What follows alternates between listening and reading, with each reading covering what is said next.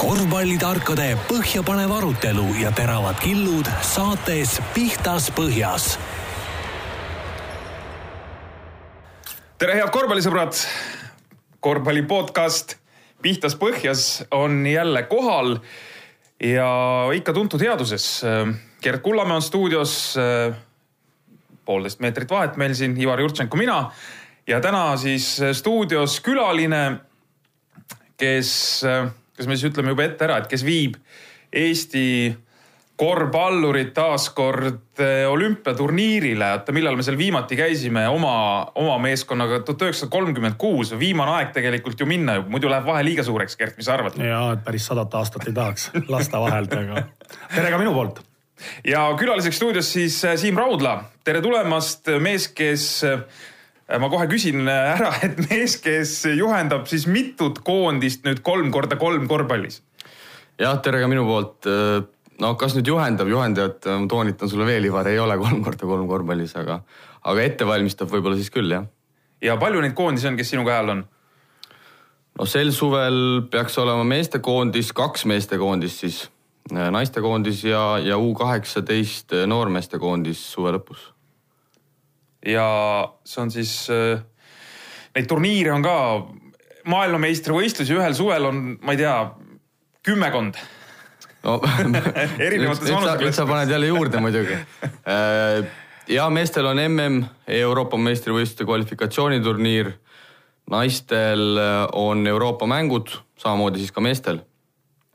naistel samuti Euroopa meistrivõistluste kvalifikatsioon ja ja nüüd meil lähevad ka tegelikult U kaheksateist noormehed lähevad MM-ile Mongooliasse. ja selle paneb siis välja TTÜ korvpallikool enda klubipõhiselt ja, ja septembris on Gruusias U kaheksateist Euroopa meistrivõistluste finaalturniir, kuhu me saime tänu heale rankingule otse peale, nii et sinna tuleb ka sats saata no juba mul juba näpud läksid kõik, mul tuli puudus sõrmedest, aga, aga enne kui me läheme nii-öelda sellele fokusseeritud selle kolm korda kolm korvpallile, kus Gert tahab täna hästi palju kaasa rääkida. et räägi, räägime nädalavahetusest, kus sa olid, Gert? Äh, ma olin esiliiga Final Fouril ja Rakvere Tarvas pani seal asjad põlema ja, ja selgus, et äh, Katrina Karud on see väga hea väljend, mis sul on, see mõmmi aabits tegelikult seal Virumaal, et ikkagi Rakvere Tarvas ruulib. oota, oota, pea nüüd hoogu, pea nüüd hoogu, et ma mõtlen, et kui me nüüd hakkame sellest asjast rääkima, kus mina olin nädala siin pika, siis võib-olla Siim ei saagi enam äh, sõna täna, tänase saatekülalisena. aga vaata, meil on Ivar sinuga autorisaade. me saame rääkida siin ka natukene kallutatult nendest asjadest, mida sa tahad rääkida. ja kallutatult, aga, aga noh, nii-öelda just, et nagu me ikkagi rõhume õigetele asjadele, eks. ja me rõhume õigetele asjadele ja ma arvan, et Siim on ka kindlasti treenerina ja Eesti korvpalli asjaajana ka kursis, mis siin toimub Eestis üldse Kossus igal rindel, eks noh. aga mina elasin tõesti neljapäevast pühapäevani Lõuna-Eestis, kus oli suurepärane korvpalliturniir, noorteturniir. ja vot ma ikkagi, see on nüüd kolmas saade, kus me sellest turniirist natukene nagu nii-öelda räägime. ei jõua ära kuulata, ei jõua ära kuulata.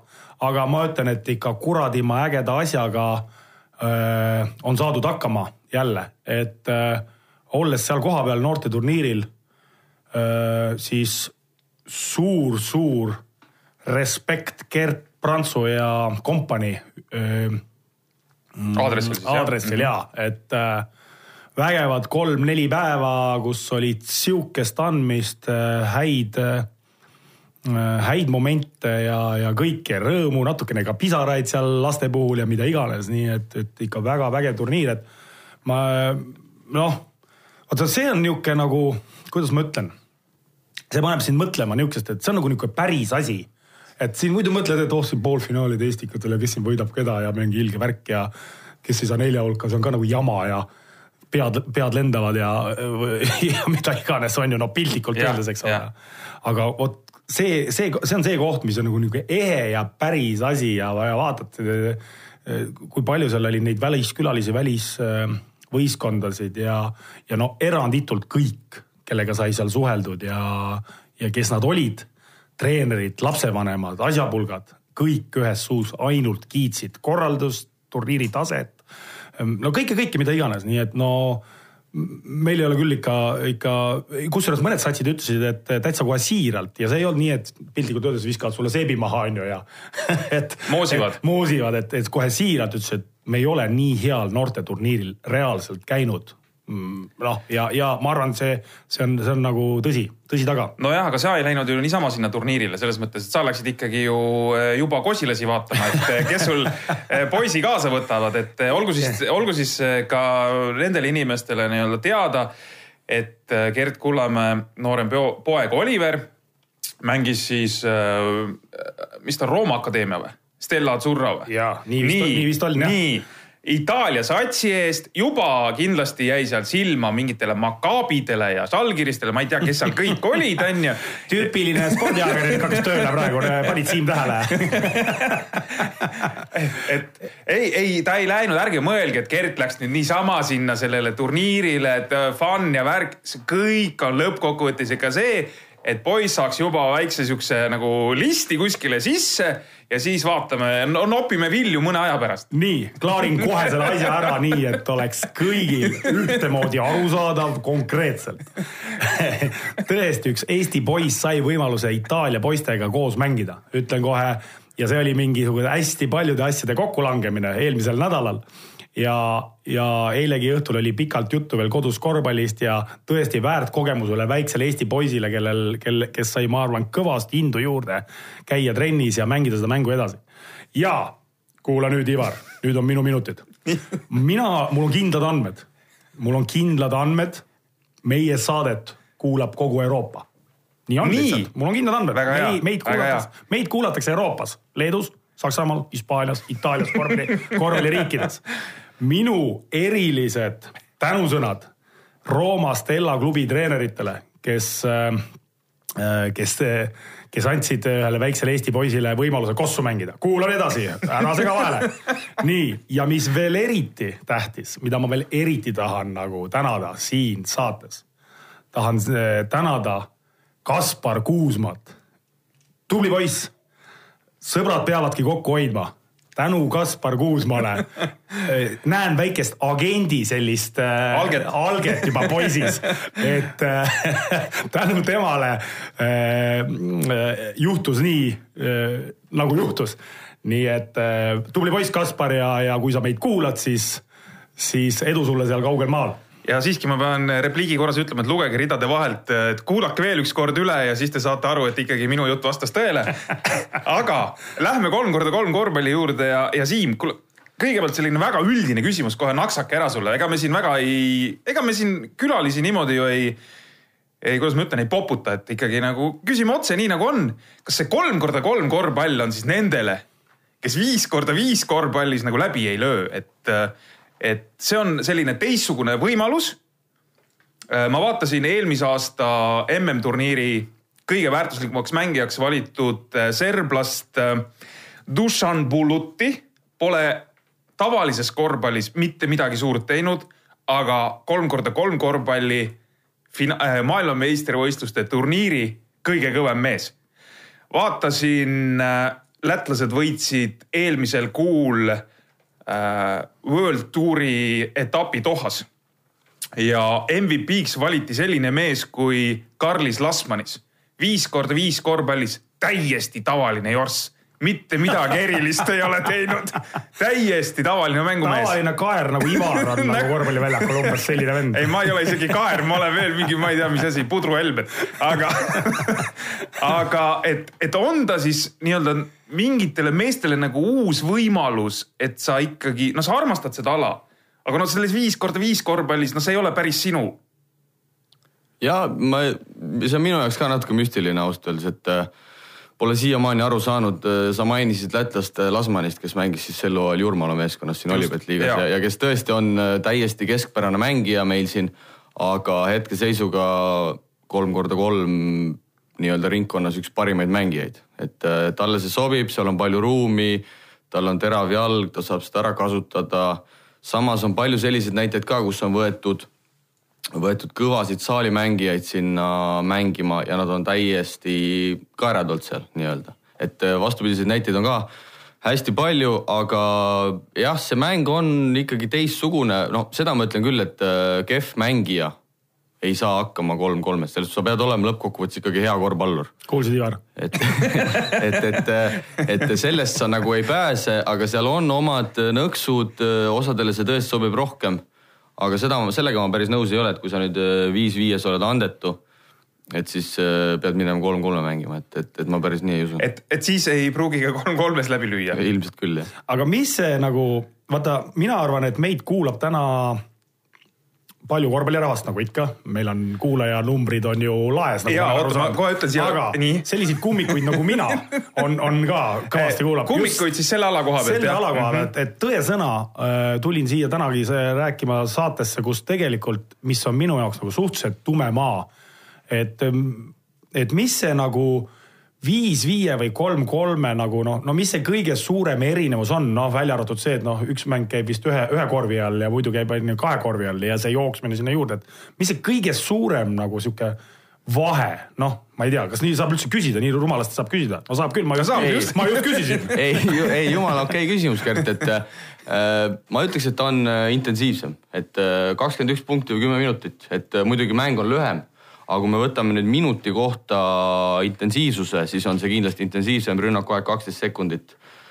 kogu aeg üles-alla, noh, kujutame nüüd ette, eks viis-viies sa ju jooksed päris palju nägu ees selge ees, seal sul on ainult suunamuutused kogu aeg. nägu ees selges, külge ees, hüpped üles-alla, et noh, sellist sirget jooksmist tegelikult ei olegi ja seal on kui isegi, kui korv tekib, siis ju pärast seda on ka kohe läheb ju võitlus edasi, et seal ei ole mitte mingisugust sellist äh, puhkemomenti üldse mitte nagu sina omal ajal seal tänavakossu mängisid, siis said paar korda korvi palli ja siis olid seal, laiutasite seal kuskil. kuule, Ivar, tead, mis mulle praegu meelde tuli nii. sellel hooajal olen osalenud sellel kolm-kolmel. oot-oot. Tartus peaministri ja sumoga põrutasime lätlastele kotti. aga see ei näinud väga kolm korda kolme moodi välja. ära, ma arvan, et see nägi just kolm-kolm välja ja nüüd mul tuleb meelde. oota, sa võitsid selle veel või? kuule, mis nalja teed või? on mingeid liigasid, kus ma olen see aasta kaotanud või et, et ja, ja, et noh okei okay,, nende, meie kehadega see, see mäng väga atraktiivne ei ole ja väga kiire ka ei saa olla, eks. aga meil oli reklaamipaus samal ajal, ära pabista. ja, ja, et et aga, aga nagu sa ütlesid, et, et siis see intensiivsus, mis see siis tähendab, et äh, selles äh, alas löövad läbi kiired, aktiivsed, väiksed vennad või? jah, ega seal praegu selliseid jurakaid väga ei ole, et äh, kõige pikemad sellised kahemeetrised liikuvad, viskavad, rollivad, slipivad korvpallitermineid siis kasutades, et et selline ideaalne tänavakorvpallur võib-olla praegusel hetkel ongi selline kahemeetrine, viskav, liikuv, hea lauas, hea kaitses. korralik keha. suudab kõikidega vahetada. tugev, eks? ja tugev, et sitke, et, et noh, selline. minu, minu tüüpi vennad. kui siin, kui siin võib-olla Eestist, Eestist mõelda, siis võib-olla sellised sellised äh, parimate päevade Erik Eedused võib-olla oleks. Äh, tead, mis mul selle Tartu turniiriga veel jälle meelde tuleb või? see oli see ju, kui Aivar Kuusma ütles, et ta teisel minutil enam jalgu ei tundnud või mm? oli sama turniir? tundub siis üsna intensiivne ala kuule, aga, aga jällegi natukene tõsisemalt, et okei okay,, see viis-viis, kolm-kolm, aga sa oled treener seal, eks, et mismoodi see ja sa oled ka viis-viie treener, me teame, eks Äh, et. Äh, teises liigas äh, Final Fouril ja võitis väga olulise kohtumise no,, pronksi mängu. Neid alumisi, neid ma ei tea, kes nad seal all mängisid, aga, aga aga, aga treenerina järelikult on ka see treeningu ülesehitus või see spetsiifika või see meet-, treeningmeetod siis ka ikkagi midagi muud, kui sa treenid seal kolm-kolm mehi, kui sa, kui sa treenid viis-viis mehi. või millest sa üldse lähtud siis treeneri töös, ütleme kolm-kolm treeningprotsessis? jah, ega, ega kuna sul on ju protsessis vähem mängijaid tihtipeale, et siis äh, see harjutuste varamu on ka, ka natuke, natukene teistsugune ja, ja lõppkokkuvõttes sa ju, sa ju lähtud nii-öelda treeningutel nii-öelda alaspetsiifikast, et sa teed ju neid harjutusi, mida sa teed ka mängus, trillid neid asju, mida sul on vaja mängus, eks. et äh, need treeningud on küll, ma arvan, veidi, veidi erinevad, noh, mitte nüüd võib-olla ülemäära, aga just see vahe on, et et sul tavaliselt ikkagi trennis on vähem mängijaid kolm-kolmes, noh viis-viies sul on ju trennis kümme kuni viisteist mängijat. kolm-kolmes, mis me seal eelmine aasta tegime ja kui me saime kaheksa mängijat vahepeal kokku, et omavahel nii-öelda sparrida, et siis mängida trennis. no sul rohkem vist ei olegi vaja ju reaalselt või? jah, iseenesest ei ole vaja, aga, aga samas ega kui sul on ka kaksteist, ega see ei ole ka paha noh, et trenni saad tehtud ja sa saad kõiki neid asju harjutada ka kaheteist mehega. aga kas meil on üldse Eestis noh, treenereid veel peale sinu, kes, kes on nagu tõsiselt selle asja kallal ja kes, kes võib-olla noh, valdavad seda seda tre-, seda, seda treeneri tööd no, nii-öelda. selle ala nüansse nii-öelda. või meil ei olegi selliseid ala spetsialiste või, või oleme me ise hakanud ise õppijad rohkem, et kuidas sellega üldse kogu Eesti mastaabis on? hetkel ma vist äh, pean sulle ütlema, et, et ega vist ei ole väga, et, äh, et meil on kindlasti mängijaid, kes valdavad seda mängu hästi, kes võiks olla tulevikus, ma arvan ka selle, selle ala treenerid. aga, aga jah, ega kui ma nüüd hakkan niimoodi mõtlema kes oleks spetsialiseerunud sellele mm, ei, ei tule küll ühtegi nime jah. Äh, Gert, muide ma sulle vahepeal, noh, kui sa ütlesid, et sa oled paras kummik äh, selles kolm korda kolm -hmm. korvpallis, eks, et äh, Eesti mehed on praegu Fiba rankingus üheksandal kohal, on nii, on ju? Ma täna hommiku üritasin siin üle vaadata, et, et me oleme, me oleme nagu väga kõrgel positsioonil. ma arvan, et me oleme Euroopas äkki üheksandad ma arvan, et me, me peaks ikkagi olema, me peaks olema maailmas praegu kuskil sinna viieteist, kahekümne kanti, ma arvan. okei okay.. no nagu ikka, Ivar on oma kodutööd jälle halvasti teinud. ei, ei, äh, aga kas, ei, aga kas Euroopa ei või nii kõva olla, et nad ongi seal nii-öelda ka selles maailma rankingus? ei, äh, just tuli, Fiba saadab iga kuu saadab selle nii-öelda okay. raporti ja just äh, ma vaatasin, et me oleme siin viimased kõik kuud oleme minu arust seitsmeteistkümnendal kohal okay. püsinud. aga naised, võin... naised? Naised on kõrgel, kuna me nüüd jahime naistega seda Tokyo pääset rankingu alusel ja naistega oleme praegu kuuendad. lausa kuuendad ja, jah? et äh, naistel oli ka nüüd äh, või on praegugi käimas äh, see maailmameistrivõistluste kvalifikatsiooniturniir, eks Puerto Ricos.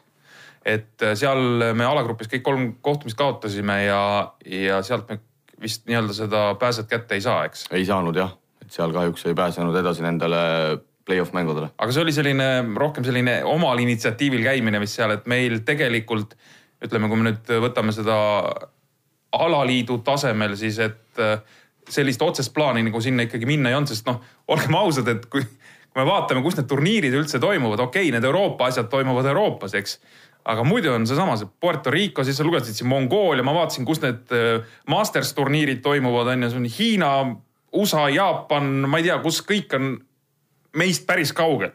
ja me oleme üldse tegelikult natukene paha koha peal selle kolm-kolme mõttes, et et siin meie ringkonnas, no Venemaa on nüüd muidugi pannud äh, sinna ka kõvasti raha alla ja seal nüüd aastaringselt toimuvad mingid turniirid, aga üldiselt siin meil läheduses äh, ei ole väga midagi võtta ja kuna meil see eelarve on ka sihuke üsna kitsukene, siis noh, reisida siin kuskile lõunasse, Balkanile või üldse väljaspool Euroopat, et noh, meil seda rahakotikest väga ei ole, et selles suhtes me oleme tegelikult selle koha pealt päris keerulises seisus.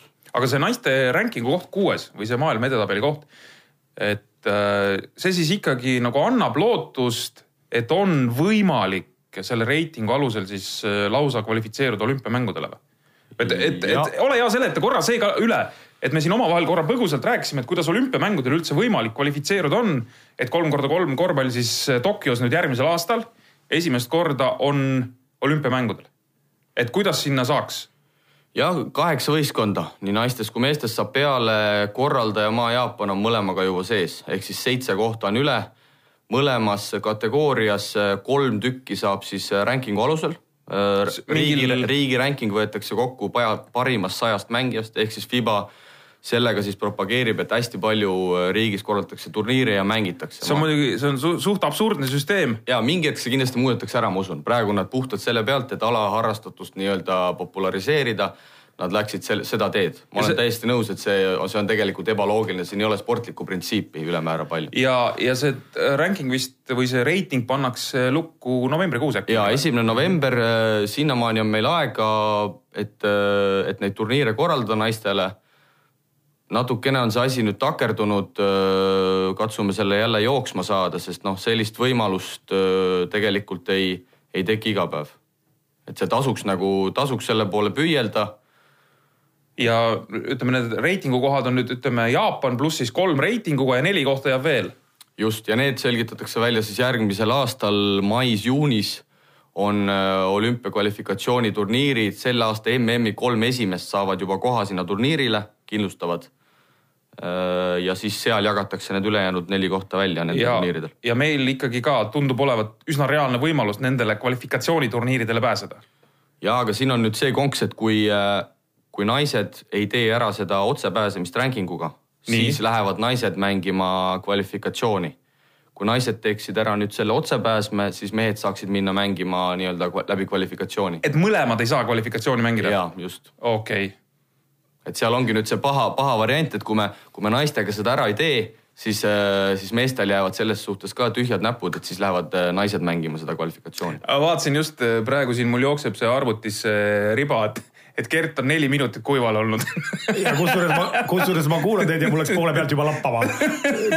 nii keeruliseks läks asi, et ma juba läks täitsa juba mõte kuhugi mujale ei, ma, ma usun, et sa tegelikult ju sättisid järgmist küsimust. ma sättisin ka natuke järgmist küsimust ja ma leidsin enda praegu mõttelt, et, et kolm-kolm korvpall ja viis-viis korvpall, eks.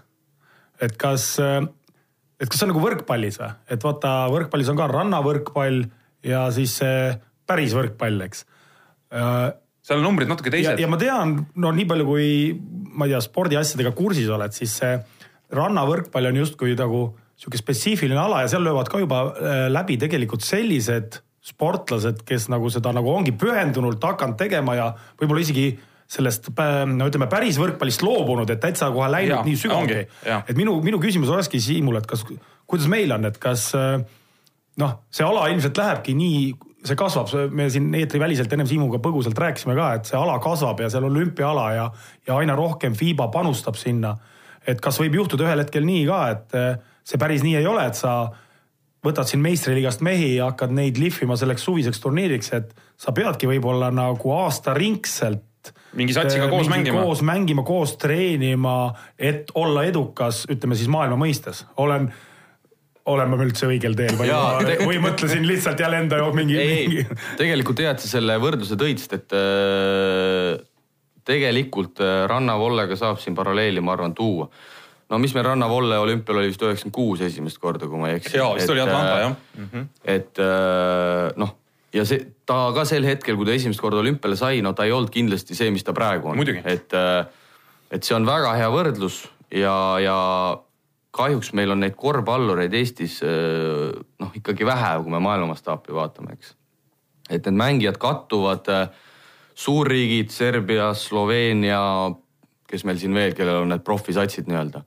et noh, nemad saavad seda lubada endale, et neil on eraldi kolm korda kolm mängijad, nad on head mängijad, eks, ja siis on saalimängijad, aga meil noh ma leian, et hetkel meil seda luksust ei ole, muidugi oleks äh, tore panna üks sats kokku, kes mängib siis kogu aasta kahjuks kõrgliiga mängijad sel juhul kasutada ei saa, need mängijad peavad siis kas kõrgliigas mängimisest loobuma, aga noh, kes see siin tahab loobuda nii-öelda oma leivast, eks, et see on liiga suur risk. ja, ja seetõttu meil hetkel sellist varianti ei ole, no näiteks võrkpallis meil on, eks Kusti Nõlvak, Mart Tiisar, kes tulid saali võrkpallist ära, on ju, ja nüüd said endale ka piisava eelarve ja nüüd mängivad rannavoole. ja, ja üritavad ikkagi ka pääseda sinna olümpiamängudele, eks, et hetkel veel seda kindlust ei ole, et nad sinna pääsevad, aga, aga vähemalt püüdlevad sinnapoole. ja kui sa räägid sellest nii-öelda rahanumbrist, et kui meistriliiga mängija või mis iganes mängija peab selle saali korvpallist siis loobuma kui ta ütleme, tahab noh, nii-öelda mängida aasta ringi seda kolm korda kolme siis ma vaatasin, et lätlased selle FIBA World Touri äh, etapivõiduga äh, Dohas äh, teenisid tšeki kolmekümnele tuhandele USA dollarile. noh, see on siis nagu nii-öelda kamba peale. aga neid turniire aasta lõikes, neid Masters turniire on üksteist on veel nii-öelda challenge turniirid, kus ma arvan, on ka mitte võib-olla nii suur auhinnalaud, eks, aga ka mingisugune ka arvestatav auhinnalaud, et, et kui sa oled heal tasemel, siis tundub, et et ikkagi praegu on võimalus juba ka mingites sarjades osaledes noh, teatud numbrid ikkagi kokku ajada, rahanumbrid absoluutselt, lätlased võitsid ka esimese challenger'i ära, mis on see aste madalamal, viisteist tuhat esikoht, et sisuliselt nelikümmend viis tuhat on nad kahe esimese etapiga juba teeninud ja näiteks seesama Lasmanis, kellest me siin enne rääkisime, tema lõpetas poole hooaja pealt Jurmalaga lepingu ära. kuna ta lihtsalt noh, ei näinud pointi, ta teenib rohkem raha selle kolm-kolmega. venelased korraldasid siin äh, nüüd sügis-talvehooajal mitu etappi seal kaubanduskeskustes ja ta juba sealt nopib oma need palgatšekid ära. et need rahad on päris suured, aga noh, muidugi ongi see, et lõppkokkuvõttes sa pead ju võitma, et keegi ei garanteeri sulle seda võitu. aga noh, kui sa oled selles karussellis sees, sul on ikkagi nii-öelda arvestatav tiim, et lätlastel on mingi Riga geto või mis, mis see tiim on neil, eks seal mängivad.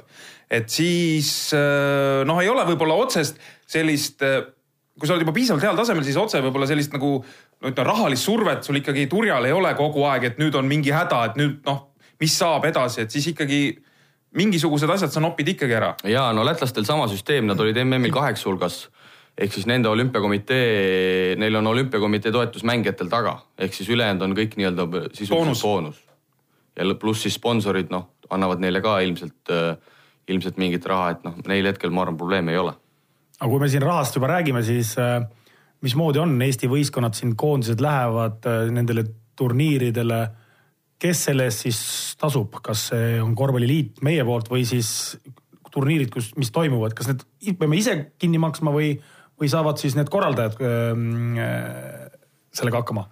no kui me räägime koondiste tasemel, siis, äh, siis kõik, äh, kõik asja majandab ikkagi korvpalliliit. et nagu ma ütlesin, äh, see eelarve meil ülemäära suur ei ole, kolm korda kolmele, aga me üritame võimaluste piires seal kalkuleerida ja neid numbreid kokku lüüa ja, ja leida siis nii-öelda parimaid lahendusi, et noh, näiteks naisi me nüüd sinna Puerto Ricosse ei saatnud, eks kuna kehval ajal, naiste finaalseeria lõppes, mis ta oli, kakskümmend kolm aprill, see turniir oli neljas-viies mai, seal mingit ettevalmistust ei oleks nii või naa saanud teha, osad mängijad meil alles välismaal.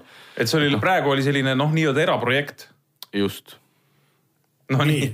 Ja nüüd tuleb küsimus täielikult võhikult. Nii. Miks sa naerad, Ivar? me räägime siin koondistest, kas kolm-kolm on mingi klubiline värk on ka, et näiteks ma ei tea Tel Avivi Maccabi kolm-kolm tuleb äh, kellega mängib. ära rutta ette sündmust. kas kolm-kolmes on euroliiga, kas on euroliiga olemas või mida iganes. ja, ja samamoodi nagu on Rannavalles on. Te võite mu põrmustada, kui mul on rumalad küsimused samamoodi nagu äh, Ivar siin ka rääkis, et see Riia geto võistkond, kes siis esindab Läti koondist äh, koondiste tasemel. Nemad mängivad siis ka seda nii-öelda pro-liigat ja ongi siis, on Mastersid, on World Touri etapid, neid sel suvel juba äkki üheksa esikoht kolmkümmend tuhat ja finaalvõistluse võitja siis ka sinna viiekümne kanti. ja siis on aste madalam on challenger'id, millelt sa siis kvalifitseerud nendele masters itele ja seal on siis esikoht sel aastal viisteist, teine vist oli kümme ja kolmas äkki kuus tuhat.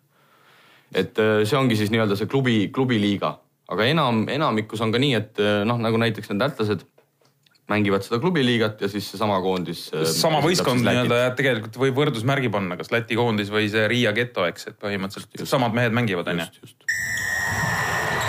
pihtas põhjas Kossu saate küsimusmängu auhinna paneb välja Sportland.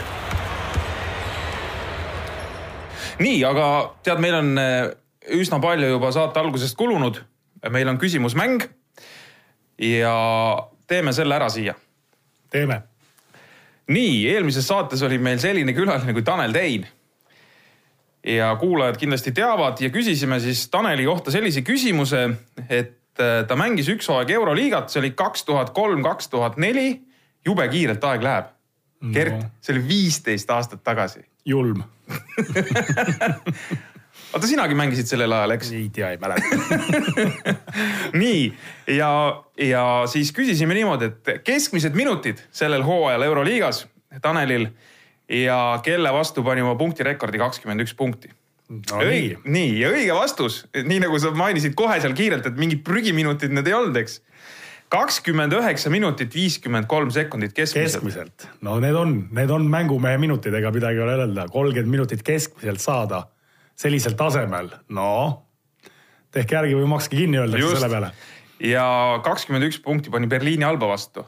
kaks head mängu tegi. ja need olgu öeldud, on ka mängumehe punktid ja kaks head mängu tegi ja mõlemad pani Alba vastu, vaata ja kohe järgmiseks hooajaks leping krapsti olemas. aga nii lihtsalt need asjad elus käivadki. on, on ju. nii ja meil tuli kolmkümmend kaheksa õiget vastust.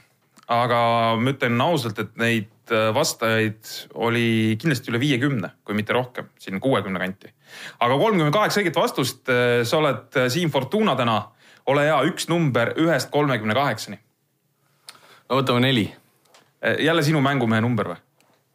ära ütle mängumees kõik panevad oma särginumbrid. kõik panevad särginumbrid. kuule lõpuks on niimoodi, et me vaatame, kes tuleb, on ju. me saame niimoodi sättida mõne tuttava nime sinna selleks, et kes meil siin on.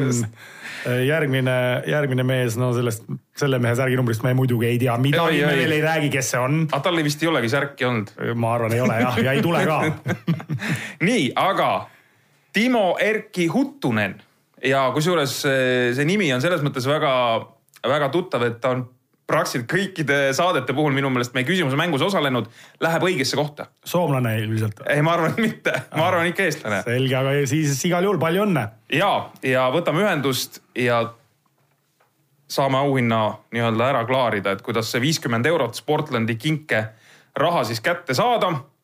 aga Siimu kohta on meil ka küsimus ja küsimus siis selline, et äh, väga lihtne.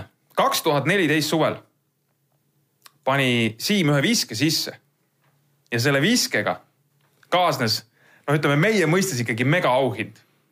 no olgu öeldud ikkagi, et see vise oli tehtud mitte mängu ajal. ei, aga see oli võistlusmäng. võistlusmäng, oleme mit... täpsed oma küsimuse. ja, et see ei olnud mingi kohtumise ajal, aga see oli üks konkreetne võistlus. seal oli vaja keskjoonelt sisse panna ja, ja Siim pani ära. ja siis tuli selline mõnus auhind ja me küsimegi, et mis see auhind oli, mis selle täpse viskega kaasnes? anname vihjeid ka, ei anna? ei anna, ei anna, ei anna.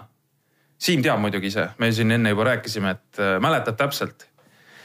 aga. korralik koba oli, aga põrkas vastu esimest otsa mõtles kahe meetri kõrgusel. kuhu? kuhu ma kukun täies kukkus sisse. aga kotis vot nii. Pihtas põhjas Kossu saate küsimusmängu auhinna paneb välja Sportland aga sellega meil siis äh, küsimusmäng äh, nii-öelda kokku võetud ja läheme saatega edasi. muide, ma enne tahtsin vahele öelda, sa siin äh, ütlesid, et meid kuulatakse igal pool. ma ei saanud aru, et mul on sa, täitsa kindlad faktid. miks sa Euroopaga ainult piirdusid? miks sa ei räägi jaapanlastest või ameeriklastest, ma sellest ei saanud aru. ma tahtsin öelda sulle, et meil on seitsmeteistkümne saatega olnud, Gert, sada nelikümmend tuhat kuulamist. Ehk siis, kes arvutada tahab või oskab, see võib ise arvutada, palju need keskmised numbrid on. aga noh, ütleme juba see number on ikka selline korralik ja ümmargune. kas sa, Siim, saad aru, kuhu sa oled sattunud müstika täitsa, müstika. pea käib ringi mul täitsa. silme eest hakkas virvendama, aga tulles nüüd Eesti mm, saavutuste juurde kolm korda kolm korvpallis, siis eelmisel aastal eh, mehed tegid ära sellise tembu, et said MM-il kõige kõrgema koha, mis me kunagi saanud oleme. see oli üheksas koht. eesmärk oli suurem. aga alagrupis surnud ringiga jäime välja veerandfinaalist MM-il ehk siis kaheksa hulgast, mis oleks meile või siis eh, kolm korda kolm korvpallile taganud selle olümpiakomitee toetuse, et saaks äh, valmistuda veelgi tõsisemalt nii-öelda selleks olümpiamängudele pääsemiseks. On nii, eks? jah. oota, ma segan vahele ja Siim on ikka ametis või? Siim on ikka ametis mis mõttes noh jah äh,, hakkad siin vana haava jälle, jälle lahti, lahti kratsima. väga valus äh, küsimus Ivari poolt. et, et, äh, et tõesti, see oli selles suhtes valus, et, et plaani, plaanis oli nagu auk sees nii-öelda, et oli teada, et, et poolakatega, et poolakad on vaja ära võtta, et saada nii-öelda kahe hulka, et sloveenid nagu eeldatavalt. alagrupis kahe hulka. ja, et sloveenid olid eeldatavalt tugevamad. Aga Sloveenia tuli otse challenge'il turniirilt oma koondisega ja noh, seal oli selgelt näha, et jalad olid nagu natukene, natukene pehmed all ja, ja poolakad võitsid neid. ja siis meie omakorda võitsime poolakaid nagu, nagu oli plaanitud ja siis äh, kaotasime sloveenidele ja ja vana hea surnud ring ja, ja Eesti ikka kolmas. aga, aga üheksas koht MM-il iseenesest ju ei kõla halvasti. no ja, aga selles suhtes, kas sa oled üheksas või, või, või üheksateistkümnes, noh, et äh, meie selge eesmärk oli kaheksa hulka, sealt edasi. ja kui lõpuks vaatad, et äh, Sloveenia kolmas, Poola neljas, noh, et. Äh, tegelikult te mängisite nendega võrdselt. et ja, et ma mõtlen, et tagantjärele muidugi on hea tark olla, aga, aga ma ei, ma ei näinud sellel turniiril võistkonda, kellega ei oleks võinud tegelikult nagu mängida, et, et poolakad kaotasid äh, poolfinaalis lisaajal Serbiale, kes lõpuks võitis. et, et noh, ma leian, et meil oli hea koondis, natukene vähe saime, saime enne seda turniiri koos mängida, kuna siin need saalihooajad jälle lähevad nii pikaks. aga ei, kahju muidugi, kahju tagasi vaadates. Siim on ikka kuratlikult õnnelik inimene, jube hea amet on vennal vaata ennem ta rääkis, et ega meil Eestis rohkem polegi treenereid, kes selle alaga tegelevad, et ega tal ei ole vahet, kuidas teha, esimeseks või viimaseks töö on garanteeritud. jah, see on mono, monopol. see on, see on, see on, see on unistuste amet, ütleme niimoodi. siin peaks praegu tarbijakaitse selle peale laskma absoluutselt. aga meeste seisund siis ütleme või selles mõttes nüüd, et see koondis, kes mängis eelmisel aastal, kas see nüüd nii-öelda on võimalus seda koos hoida, kui sa nägid, et tegelikult see kooslus nagu toimib ja, ja võiks kõigiga mängida või kuidas see seis nüüd siis selleks aastaks on ja sa ja ma olen aru saanud, et see mm ja siis Euroopa mängud jah Just. põhimõtteliselt langevad ka kokku, et seal, seal peab niimoodi veel olema, et üks koondis läheb ühte kohta, teine koondis läheb teise kohta jah, et äh, minu esmane idee oli, et seesama nelik võiks, võiks mängida ka see aasta, et seesama nelik oleks võinud mängida kuni Tokyoni, et kas me siis pääseme sinna või mitte, aga, aga.... ja see nelik oli, tuletame meelde ka, Kotsar. Kotsar, Torvek, Puidet ja Järveleinen. aga kahjuks, kahjuks äh, sel aastal me sama koosseisu kokku ei saa, et siin on erinevad põhjused, pikad hooajad, vigastused. Äh, kes on sulle öelnud juba, et ta ei, ta ei saa mängida? no ütleme sellest samast nelikust Maik-Kalev Kotsar peab olema juba juuni alguses tagasi Ameerikas, kuna tal, tal algab viimane ülikooli aasta ja, ja peatreener siis Frank Martin tahtis, et kuna ta on üks väheseid vanemaid olijaid seal viimase aasta mehi, et siis ta peab seal noortele, noortele nii-öelda toeks olema, ehk siis teda kasutada ei saa. Äh, Jaan Puidet samuti, ma võin öelda, loobus, kuna väga pikk hooaeg, raske hooaeg, vigastuste rohke hooaeg, selline paras tulekahju kustutamine on tal see terve terve aasta olnud, et äh, teda ma, teda ma ka kasutada ei saa. aga noh, siin on häid mehi võtta, et äh, Tartu turniirilt siiski jäid silma kaks äh, tõsist tegijat lätlaste vastu. lätlased, me teame, juba rääkisime, lätlased on kõvad selles kolm korda kolmes, aga on mehed, kes võidavad lätlasi jah, me oleme need mehed, kes oskavad vähe, aga tahavad palju. nojah, siis tuleb kiirelt kakskümmend üks täis visata, muidu kaovad jalad alt ära ühel hetkel. kuule, aga vaata mm,? päris korvpallis, viis-viis.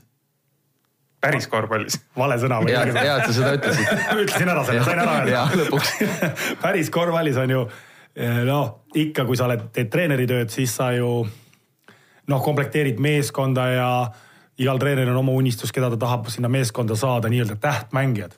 kes meil on kolm-kolmes siis need tähtmängijad sinu kui treeneri pilgu läbi, keda sa õudselt nagu tahaksid oma meeskonda või noh, Eesti, Eestis eestlased, et kelle noh, kes, kes läheks üldse sinna, kes iseloomuomadustelt sobiks sellesse kolm-kolme üldse, on meil siuksed, võid sa julgelt kohe nimed välja öelda, kes on niisugused head kolm-kolm tegijad, keda sa tahaksid näha? noh, kas sa saad, need ei saa, ega seda me ju ei tea no eks ma olen siin muidugi mõelnud ja, ja, ja unistanud, et äh, see eelmise aasta nelik tegelikult, äh, need olid kõik neli meest, keda ma alguses nii-öelda tahtsin, ehk siis ma sain selle neliku keda ma tahtsin. keda sa nägid vaimusilmas, eks. ja see tegelikult toimis hästi. Äh, noh, kahju, et see, see nüüd edasi ei lähe, aga kindlasti neid mängijaid on, on veel, kes oma nii-öelda tüpaažilt äh, võiks, äh, võiks sinna sobida, noh, ma arvan näiteks mees, keda ma enne ka mainisin, Erik Eedus kindlasti oma kuju poolest, oma omaduste poolest oleks, ma arvan, väga hea, miks mitte Kristjan Kitsing, pikk, kes suudab eemalt visata, seal on nendel kahestel on ju väga suur roll selles mängus et, et noh, kindlasti kõik koondise mehed, ma arvan, Rauno Nurger oleks, oleks väga okei okay., tema mängis ka Tallinna Openil nüüd sel suvel, jättis väga hea mulje seal. Ja... Ja, lihtsalt korra küsin siia vahele, et kas selline mees nagu Kristjan Kangur, kui sa juba siin Graamo mehi lugesid päris palju ette, et kas, kas ütleme sellises, sellistel meestel ka, et noh, tema on, ütleme oma parimad mängud nii-öelda seal päris korvpallis siis eks ära teinud, on nüüd tagasi, juba hakkab vaikselt nii-öelda võib-olla lõpetama karjääri. et eh, kas noh, tugev nagu ta on, on ju seal lööks korvi all platsi puhtaks. kas, kas nii-öelda temast võiks ka tegelikult äh, olla palju abi, et ta võiks olla hea mängija seal kolm korda kolmes ka? kindlasti, ma arvan, et eh, noh, me oleme siin spetsialistidega arutanud ka, et et miks mitte Tanel Sokk, Gregor Arbet, Kristjan Kangur ja Janal Tats, eks, et ma arvan, et kui selline võistkond, noh teeks piisavalt trenni ja mängiks mingit turniiri, saaks praktikat, noh, ma arvan, et oleks, oleks väga hea kooslus, aga noh, ilmselgelt seda huvi ei ole, sest et inimestel on juba pered ja muud tegemised ja, ja, ja, ja tegelevad suvel muude asjadega. no kui sa räägid siin suurtest auhinnarahadest ja teenimisvõimalustest, siis miks mitte tegelikult? Haistis ka, Gerd Kullamäe haistis ka teenimis, teenimisvõimalust, suured auhinnad, ta pole elu sees nii suuri karikaid saanud, kui ta nüüd sel hooajal on saanud no,. aga vaata, mees võttis jalad kõhu alt välja, hakkas ja, panema. ja ma ei räägi veel rahalistest auhindadest, mis mul pocket sisse tulid, mõtle, Ivar kuule, aga vahepeal meil on täna võrkpallist juttu olnud. meil on täna võrkpallist. tahad mingit ala veel sisse ma tuua? ma tahaks tervitada võrkpalli podcast'i tegijad. Nende, selle saate nimi on Kuldne Game vist kui mul nüüd õieti. ja peaks meeles. olema küll kuldne game jah. ja tervitame neid ka, eks ju. tervitame. et teil on ka lahe saade. mitte nii hea kui meil muidugi. aga eh, miks ma selle siia sisse tõin? Eh, see ennem rääkisime sellest rannavõrkpallist ja mina olen ka, käin suviti, suvitan Pärnus palju ja tegelikult sellel rannavõrkpalli käin vaatamas ja, ja tõele au andes on päris palju publikut äh, suurematel võistlustel äh, kohal, noh, on see siis ilm või, või mis iganes seal. Kuidas selle publiku huviga kolm kolmes on, et oled erinevatel turniiridel käinud ilmselt üle maailma ja, ja siin ka Eestis, eks ole, et kuidas on ta ka atraktiivne publiku jaoks, on publikut, kes käib nendel võistlustel jah, eks äh, publikut on, eks see oleneb ka hästi palju, kus, äh, kus turniir toimub, aga, aga ma arvan, et äh, miks see kolm-kolm nagu rahvale peale läheb, on see meie ühiskonna teema, et kõik tahavad ju hästi-hästi kiirelt ju hästi palju saada, et keegi ei viitsi raamatuid lugeda, pikki ja, videosid ja. vaadata, see kossumäng ka juba võib-olla osadele nelikümmend minutit, et no pean nii kaua seal telekas olema, eks noh, ma mõtlen just seda nooremat generatsiooni aga kolm-kolmes mäng on kümme minutit siuh-säuh edasi-tagasi rünnaku aeg, eks, et, et võib-olla see kuidagi on seda rahvast sinna ka toonud. ja hästi paljud turniirid, noh, sa saad ju väljaku igale poole panna, no mitte päris igale poole, aga näiteks Prahas, kus on World Tour juba aastaid toiminud, see on otse vanalinnas, et inimesed käivad sealt mööda, eks kogu aeg on tribüünid. no meil endalgi siinsamas ju Vabaduse väljakule pannakse just, asjad püsti, eks. et, et, et nagu publik tekib iseenesest, nüüd eelmine suvi me käisime, kuna meie poisid võitsid selle Tallinna Openi ära, siis me käisime Lausanne'is, Šveitsis käisime mängimas samamoodi. keset linna on plats püsti, muusika käib, inimesi kogu aeg tilgub sisse-välja, eks. Et, et, et rahvast käib eelmise aasta, vabandust, üle-eelmise aasta Amsterdami EM välja müüdud juba enne, enne müüdi isegi pileteid ja oli täiesti välja müüdud, aga eks see oleneb riigist, et osades riikides on populaarsem, teistes jälle, jälle mitte. ja, ja ma arvan, et tegelikult ega, ega FIBA või Rahvusvaheline Korvpalliliit siis samamoodi kõik ju ikkagi otsivad seda nooremat publikut. tuuakse ju olümpiamängude kaua, no ikkagi väga selgelt selliseid alasid, millega tegelevad noored, millest huvituvad noored. ma saan rulasõidud ja breiktantsud ja ma ei tea, mis iganes, eks ja ma arvan, et korvpall otsib ka neid lisakäike, et just seda nooremat publikut võluda. loomulikult huvitab äh, neid noori, äh, kes meil siin kodus kasvavad ja kes tahavad ka korvpalli mängida, needsamad, need NBA staarid või, või Euroliiga staarid, kes tulevad ka lõpuks olümpiamängudele seda viis korda viite mängima, eks.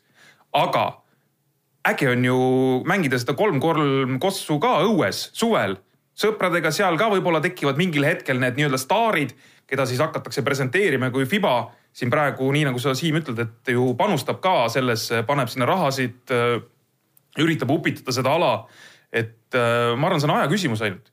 Kui me, kui me praegu teame neid viis korda viis korvpallureid, need maailma staare, kui siin tekivad need suured sarjad, äh, tekivad mingid sellised nimed, kes seal, mis iganes, panevad pealtpanekuid või, või ulmelisi viskeid sisse et ma arvan, et kolm korda kolmest tekivad mingil hetkel samamoodi need äh, nii-öelda, keda, keda hakatakse haipima, mingid ikoonid äh, jäljendama, et see võtab aega muidugi, aga see ei ole niimoodi, et nüüd Tokyo olümpial ja kohe hakkab, hakkab asi toimima, et äh, et see on mõnes mõttes ka selline sunnitud samm, ma arvan, spordialadel, et tuleb leida uusi, uusi väljundeid.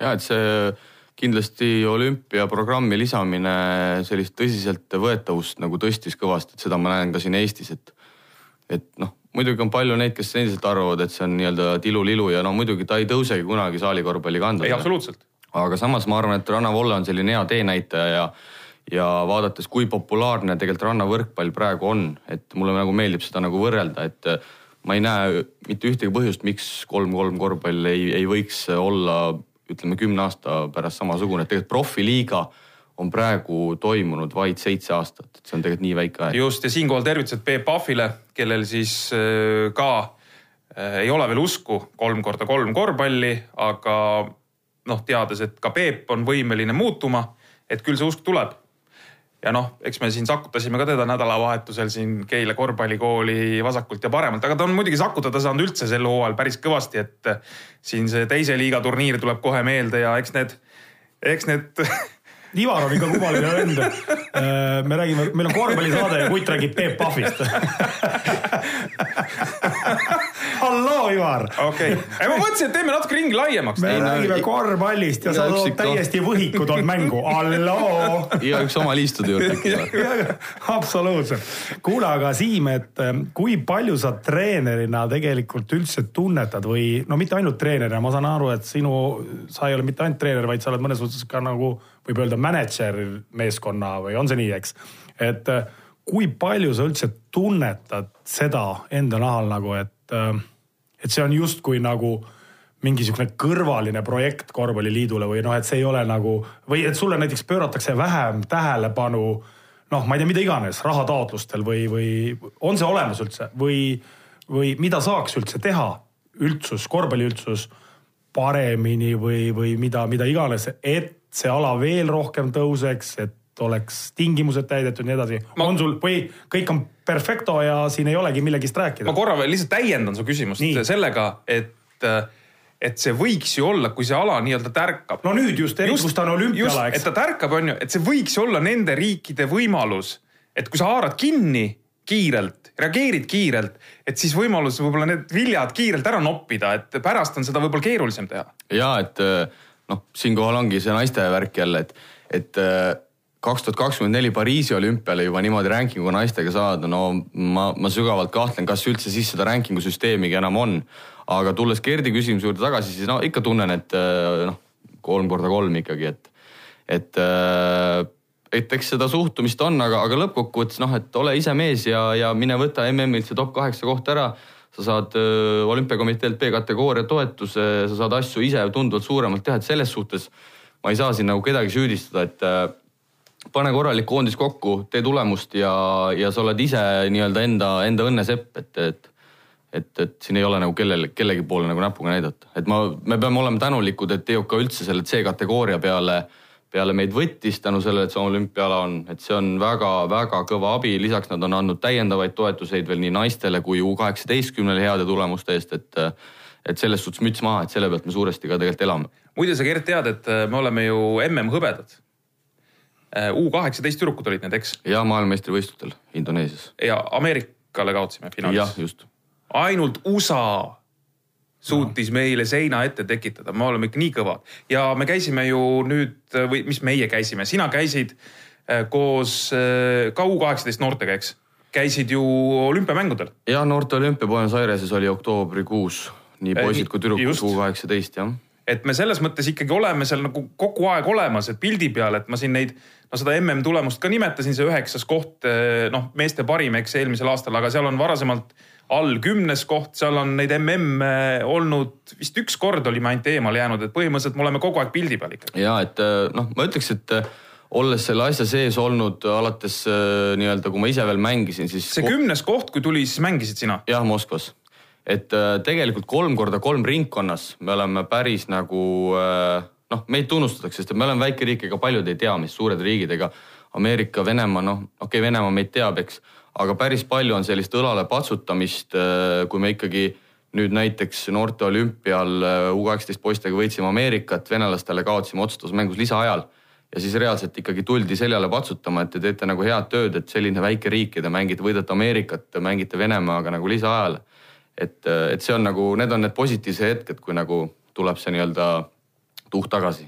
Gert, sa oled Euroopa kuues, aga sul vastas istub MM-i kümnes mees ja ei no väga äge ikka, ma mõtlen, et sa jäid kuidagi nukraks ja, ja muidugi, ei, ma räägin lihtsalt, see on tänane saade on sihuke ikkagi väga-väga hariv ja ma ütlen veelkord, et see on tegelikult uus ala.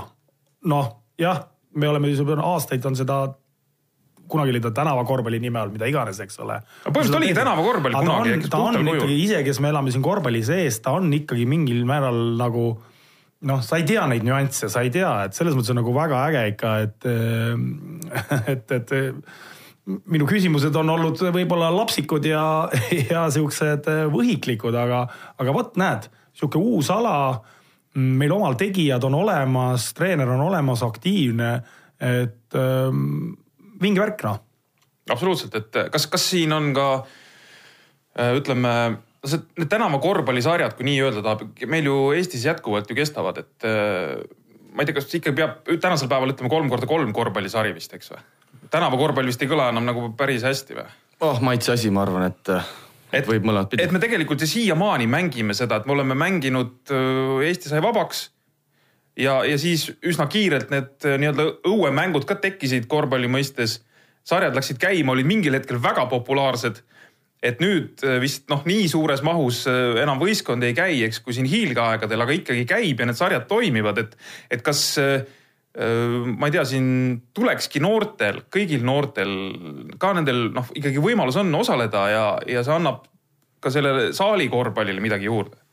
ja ma arvan küll, et ma usun, et Gert treenerina on siinkohal minuga nõus, et et kolm korda kolm mängida suvel äh, noorele sportlasele, et miks mitte selles suhtes, et seal on ju ka omad nüansid, mis kindlasti arengule aitavad kaasa, et mina kutsuks küll kõiki noori üles, üles mängima, sest et noh, ma ütlen, rahvusvahelised turniirid hakkavad alates U kaheksateist.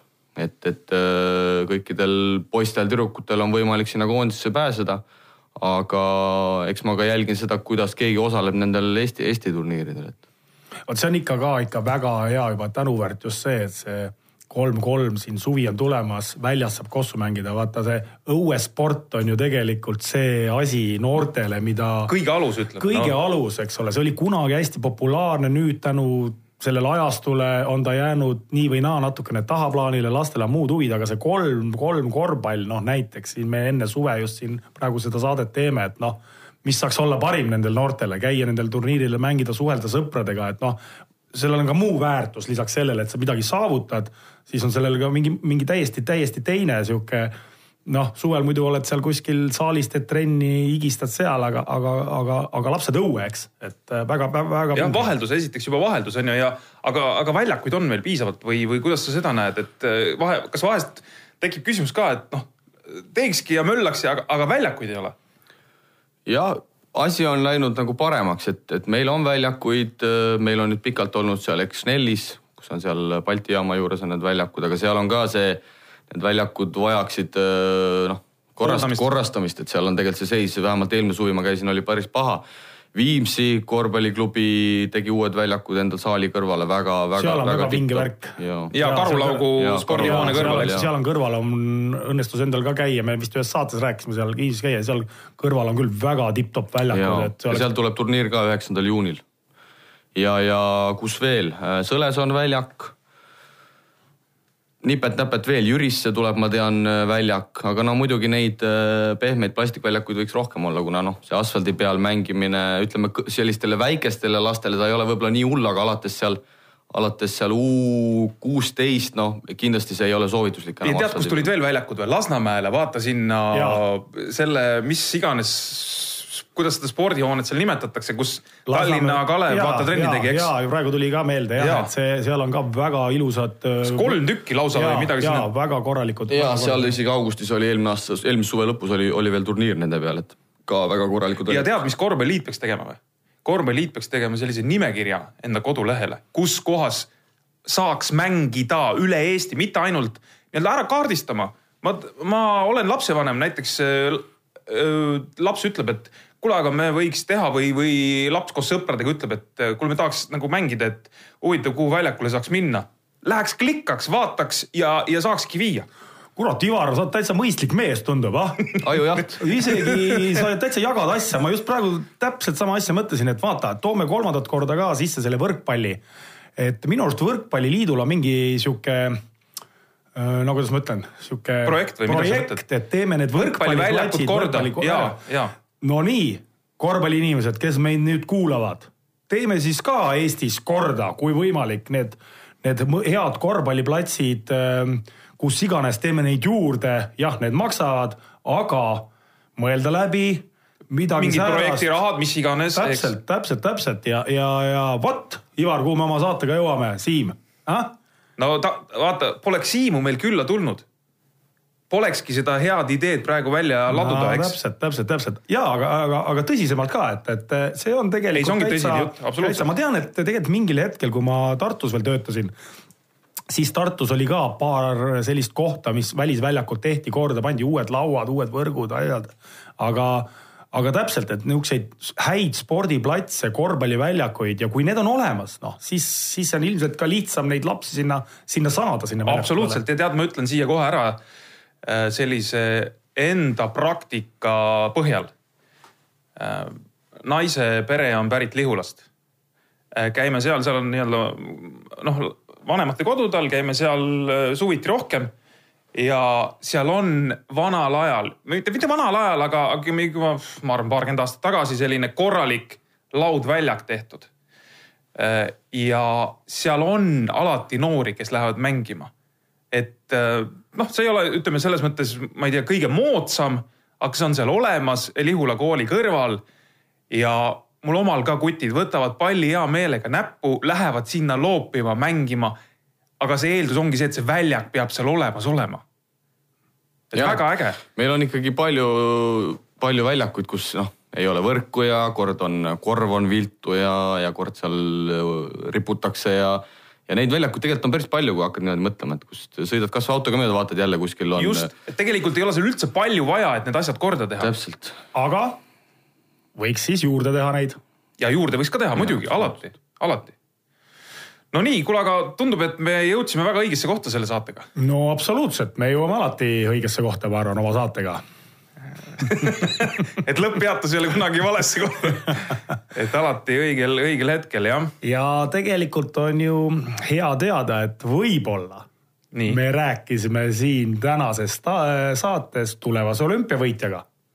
Äh, treeneriga noh no, selles mõttes jah, jah., äh, treener, mänedžer, kes iganes, kui ta ei taha nagu võtta seda, et ta juhendaks kedagi või mis iganes. mul on tunne, et tal on lihtsam olümpiavõitu jahtida isegi olümpiamängudel pääseda, räägime, et, et ja, üldse, et viis ja. korda viis, no suht, suht raske, ulme, suht raske, ulme. raske, raske, aga Siimul on see täitsa see võimalus olemas ja jääme siis huviga ootama, kas. ja panustame ka sinna kas Siimule tuleb ka mõni konkurent juurde või saab elu lõpuni nagu niisugust lille lasta ei, tuleb, tuleb. sul on Gert see võimalus sul on see võimalus. no nagu sa mu küsimustest aru said, siis ma olen suht roheline suht kummik. mul on ikka väga pikk maa minna, aga ma loodan, et saatekülalised ja kuulajad annavad mulle andeks minu võiklikkuse sellel alal. nii, aga sellega on siis meil edukalt äh, maikuu lahti lükatud. meil on maikuus tulemas veel päris mitmed saated, meil on järgmise saate külaline ka juba paigas, aga ja, me ei ütle. ei ütle seda.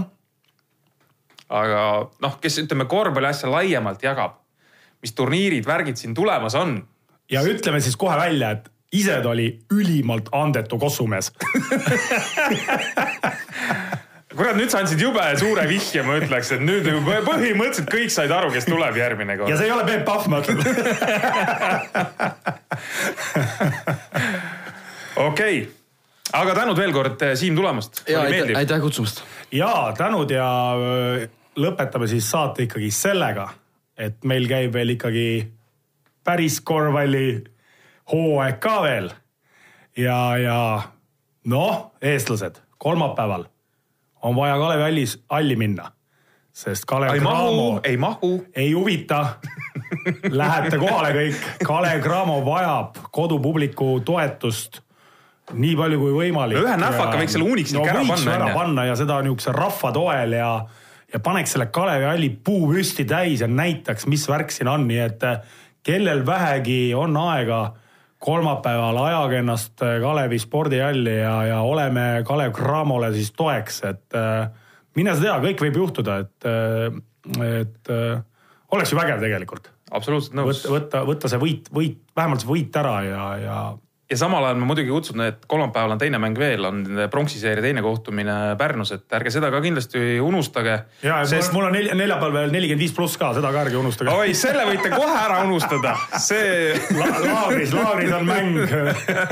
kõrvad kinni, kes sai, pani õigel hetkel kõrvad kinni väga hästi. seda head kossu jagub selle, sellel nädalal. nii, aga on tagumine aeg lõpetada, sest siin juba ikkagi hakkab juba nagu ära viskama see lõpuosa meil. et tänud kuulamast ja nädala pärast jälle. ilusat päeva päeva. ilusat päeva. korvpallitarkade põhjapanev arutelu ja teravad killud saates Pihtas Põhjas